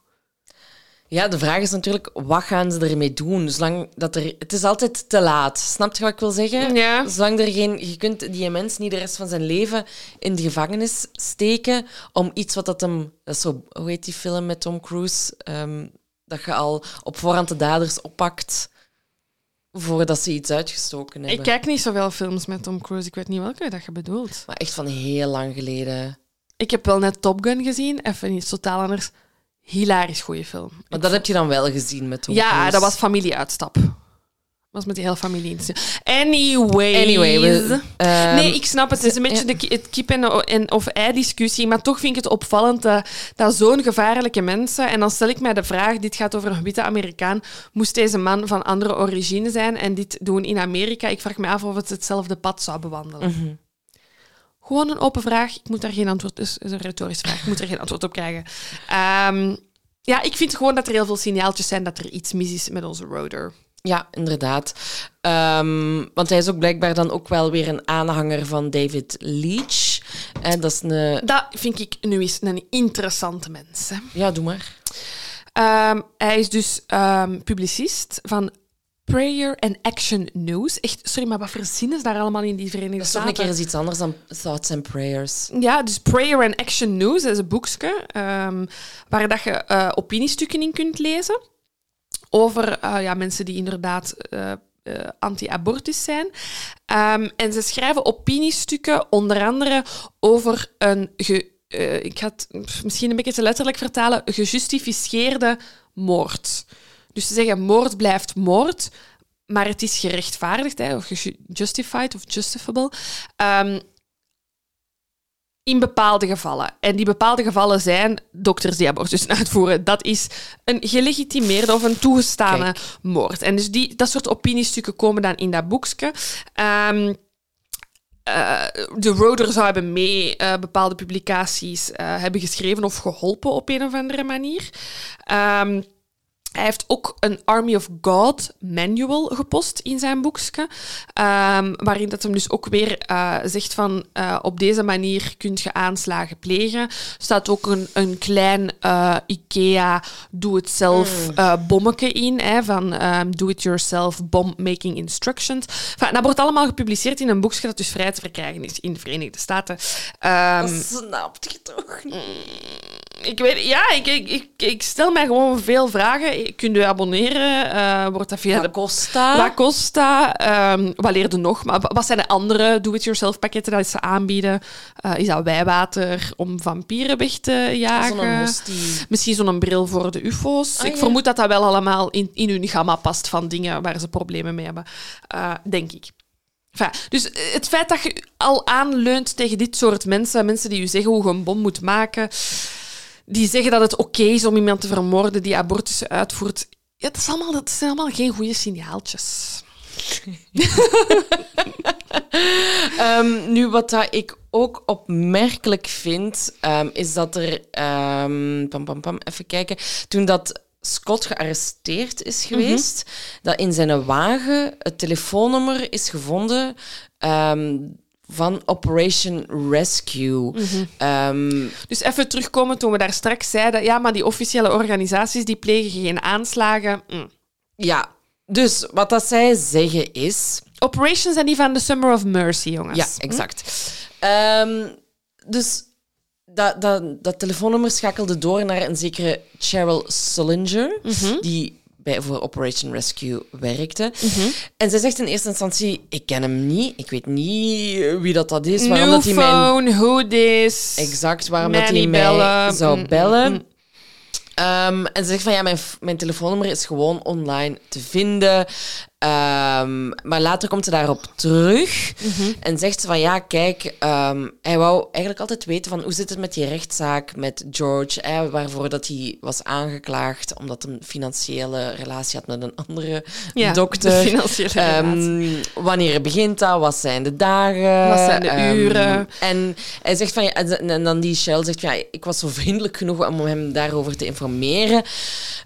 Want in de documentaire die ik heb gezien wordt dan gezegd van ja, maar kijk, dat was een algemeen nummer. Iedereen kon daar naar bellen Mhm. met vragen over rechtszaken die we hadden aangespannen, over evenementen die we hadden gegeven, over wanneer die volgende Summer of Mercy zou plaatsvinden. Allee, bon, Was er hè. nog een Summer of Wie Mercy? weet, we gaan het niet weten.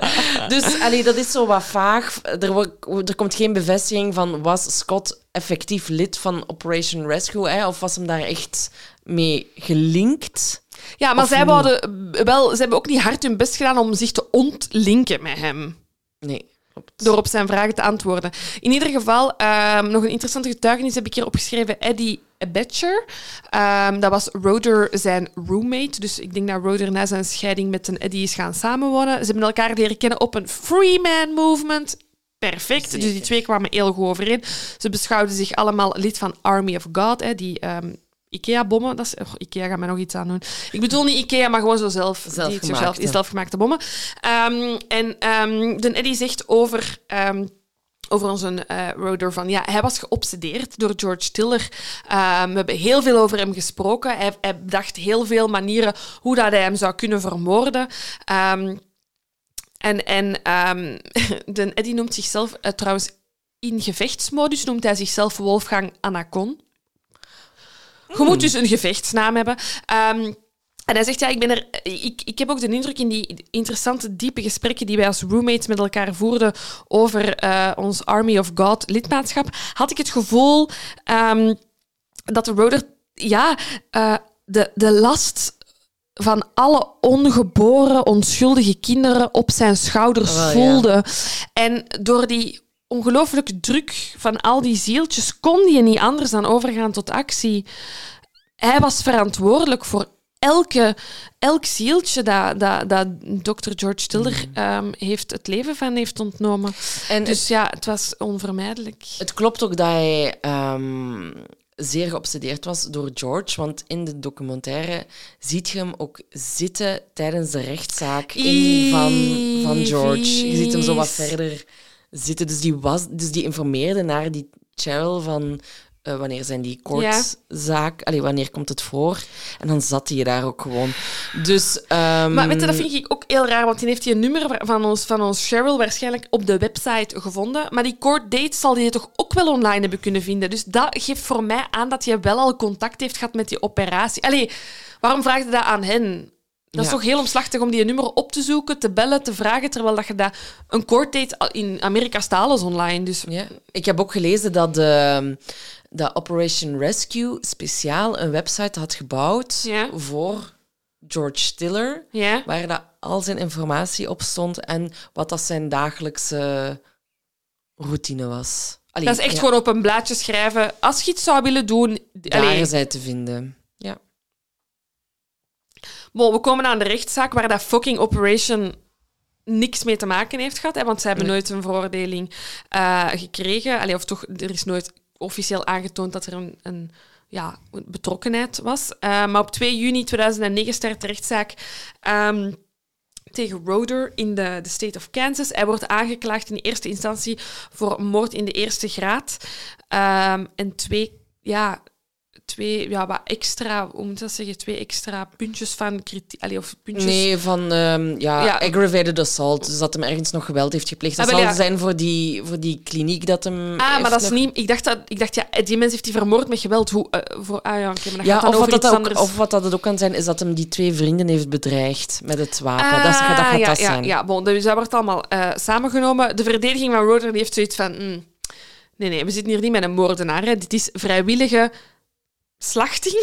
Dat is een manslaughter. Ja. Doodslag. Ah, ja, maar vrijwillige doodslag klinkt als moord. in mijn- bon, Maar Ja. het is blijkbaar nog een, een gradatie onder moord. Dus die doen nog een poging ehm, eh, om dat door te voeren. En ehm, de rechter heeft dus van, ja, ik zal er even over nadenken. Intussen tijd... Ja, doe maar. Ah nee, oké. ik dacht... ja, intussen- ik wou het zeggen, maar... Intussen, intussen tijd mag de, Roder, eh, de Scott Roder ehm, op de verdedigingsstand eh, gaan staan, waar dat hem nog eens uitlegt dat hij alle ongeboren kinderen moet redden van de dood. Ehm, en direct daarna, eh, nadat hij heeft gesproken eh, eh, voor de rechtbank, heeft de rechter gezegd: Oké, weet je wat? Ehm, ik heb er nog eens over Ja, nagedacht ja. en het zal geen doodslag zijn. Jij bent een moordenaar. We gaan je ehm, voor moord ehm, laten voor een jury verschijnen, want alles wat jij hier zegt is een beetje koekoe. En tot dat moment heeft hij dus ook nog steeds geen spijt hè, van Ah, wat nee, maar, hij... nee niks- hij heeft echt- justified. Echt wat dat gezegd, hij is degene die de kindermoordenaar gestopt heeft. Ja. Hij ziet niks fout in zijn daden, Nee. maar echt niet... Allee, Er is hem geen, echt- ja, hij is echt gewoon, er is geen probleem, dat is wat hij zegt. Inderdaad. Eh, en hij is ook... ehm allee, bon, hij wordt dan uiteindelijk op eh, 29 januari 2010 ehm, ja, schuldig bevonden en de jury heeft daarvoor nog geen 40 minuten nodig. Onder de drie uur, ding, ding, ding, Ding, ding, dat ding, is volledig schuldig. En eh, hij krijgt een hard 50, zo wordt het dan hè? genoemd. Ja, Echt heel goed. very, mm, echt Midwest. Hard 50! dus ik zie weer die grote kom goed. Hard Het, het, 50! het lijkt zo'n veiling. Ja, ja, ja. Ehm, dus dat betekent dat hij eh, ja, voor de rest van zijn leven in de gevangenis moet zitten en er zal geen eh, mogelijkheid zijn om eerder vrij te komen. Ehm, en dat is dus eigenlijk de maximumstraf die beschikbaar is in Kansas. Ja. Eh, en hij heeft dan ook nog eens twee jaar extra gekregen voor die aggravated assault. Maar ehm, op november 23, 2016 wordt die straf... ehm, Afgeschaft eigenlijk. ja, Dat is het ding. Die, mag niet meer, die een hard 50 mag niet meer worden uitgedeeld. Ah, Ehm, dus de Supreme Court maakte toen een, verstand, denk ik, iets verstandigere beslissing van hey, je kunt mensen niet uitzichtloos in de gevangenis steken. We moeten iets aan onze extreem lange gevangenisstraffen doen. Die een hard 50, we schrappen dat. Ehm, en iedereen die op dat moment een hard 50 gekregen heeft, verschijnt opnieuw voor de rechtbank. En die, die straf wordt... ehm, eh, her- herdacht. Ehm, om mensen dus ja, die zo lang in de gevangenis zitten of veroordeeld zijn voor een heel lange straf, om die een kans te geven eh, om een uitzicht te bieden. Eh, dus zijn straf wordt verminderd naar 25 jaar en hij heeft kans nu wel om parole te doen, dus om vrij te komen. Ja. Eh, Ehm, hij zit dus in de gevangenis en hij belt nog steeds regelmatig naar eh, de pers. niet naar zijn mama, niet naar zijn kinderen, En hij zegt- naar zijn pers. Hij klaagt omdat hij als een crimineel behandeld wordt. En ehm, omdat hij in de media gekarakteriseerd wordt als, eh, het zijn, als dat hij anti-overheid is. En dat is hem niet, Silke. Hij is anti-corruptie-overheid. Ja, maar alle overheden, alles, alles van de overheid is corrupt, Ja. maar hij is niet anti-overheid, hij is anti-corruptie. En again, hij ziet zichzelf als een soort van martelaar. Hè? Ja, ja. Hij offert zich op en gaat de gevangenis in, maar hij is geen crimineel, Dat is een beetje Jezus eigenlijk. Hè? moordenaar. Het is Jezus. Dit is de nieuwe. Jezus. Voilà, hier zijn we. Nu, er komen heel veel reacties natuurlijk hè, op de dood van George. Ja.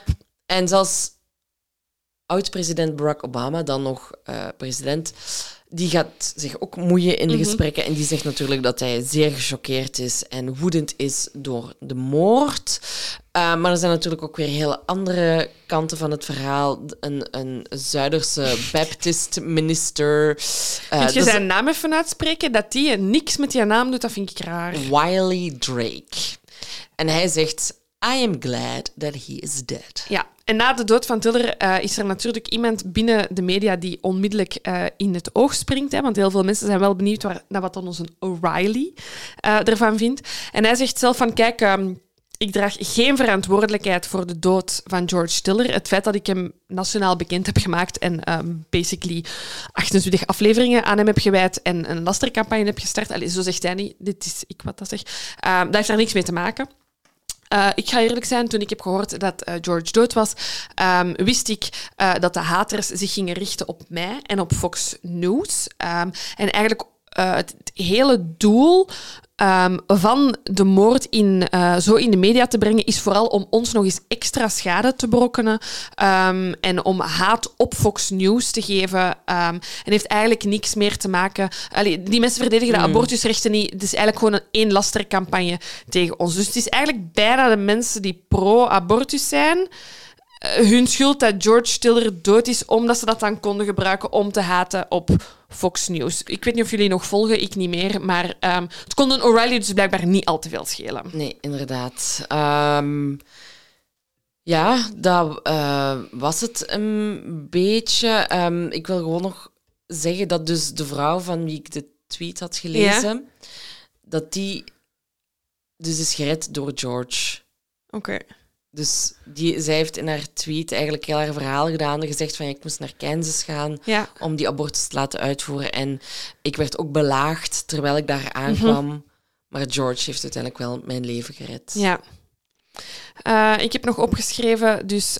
Um, dat zijn collega, ik weet niet of het de collega is met wie hij een financiële relatie had of niet, uh, maar die hebben de kliniek een week gesloten en dan zijn ze um, uh, opengegaan om dan te zeggen, we gaan permanent sluiten, want we zien het niet zitten om verder te gaan uh, zonder George. En de Trust Woman Foundation heeft de kliniek uh, uiteindelijk overgekocht opnieuw geopend.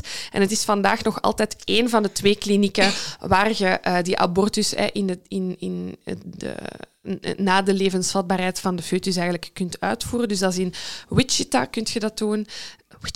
Kansas en uh, Oklahoma City in Oklahoma. Er is ooit een derde geopend in Seattle, um, maar die is gesloten in 2019. Dus dat betekent dat je op dit moment maar in twee plekken, um, als je in een levensbedreigende situatie zit als vrouw en abortus kunt plegen. Dit is allemaal voordat Wade versus Roe is overturned. Dus ja, ik hou mijn hart vast voor wat er met deze klinieken gaat gebeuren.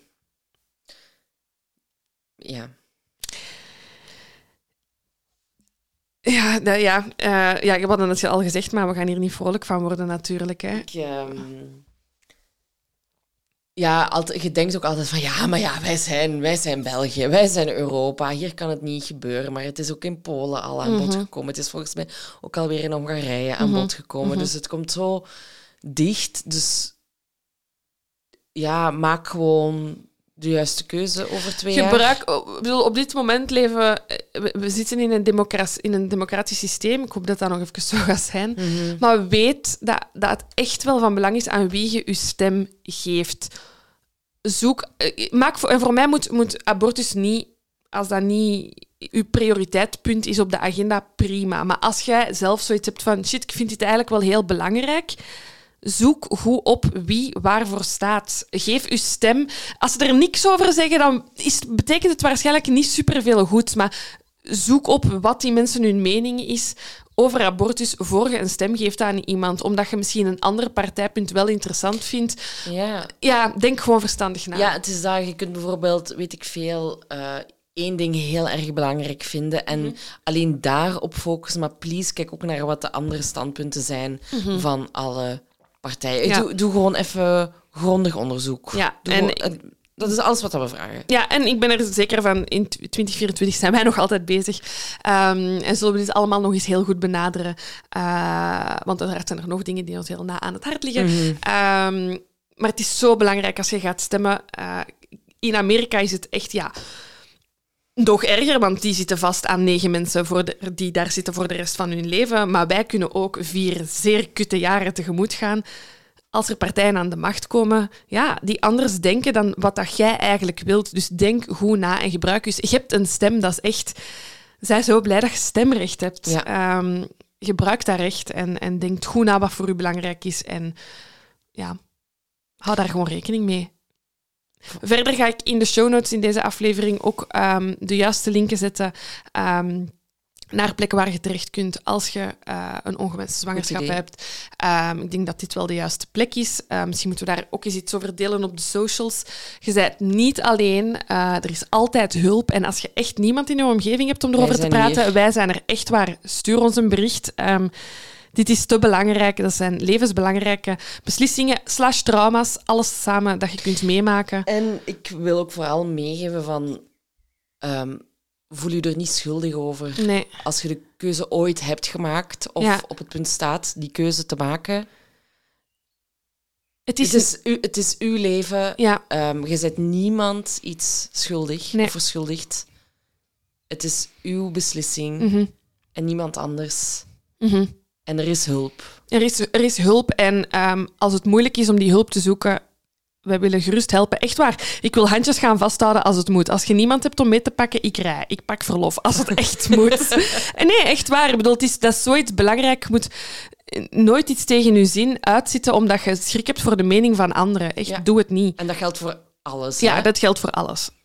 Voilà, Zelfs moeten- als je een stuk chocola gaat kopen en je voelt je schuldig, niet schuldig voelen. You Go deserve it. You do you. Voilà. En ik ga nu op vakantie. Ja, fijne vakantie, meid. Dat betekent dus nog eens, ik ga ook zeker posten, maar dat we een weekje overslaan, eh, een- of een aflevering overslaan. Eén aflevering in juli, maar op 4 augustus zijn we weer helemaal terug. Bye bye. Doei!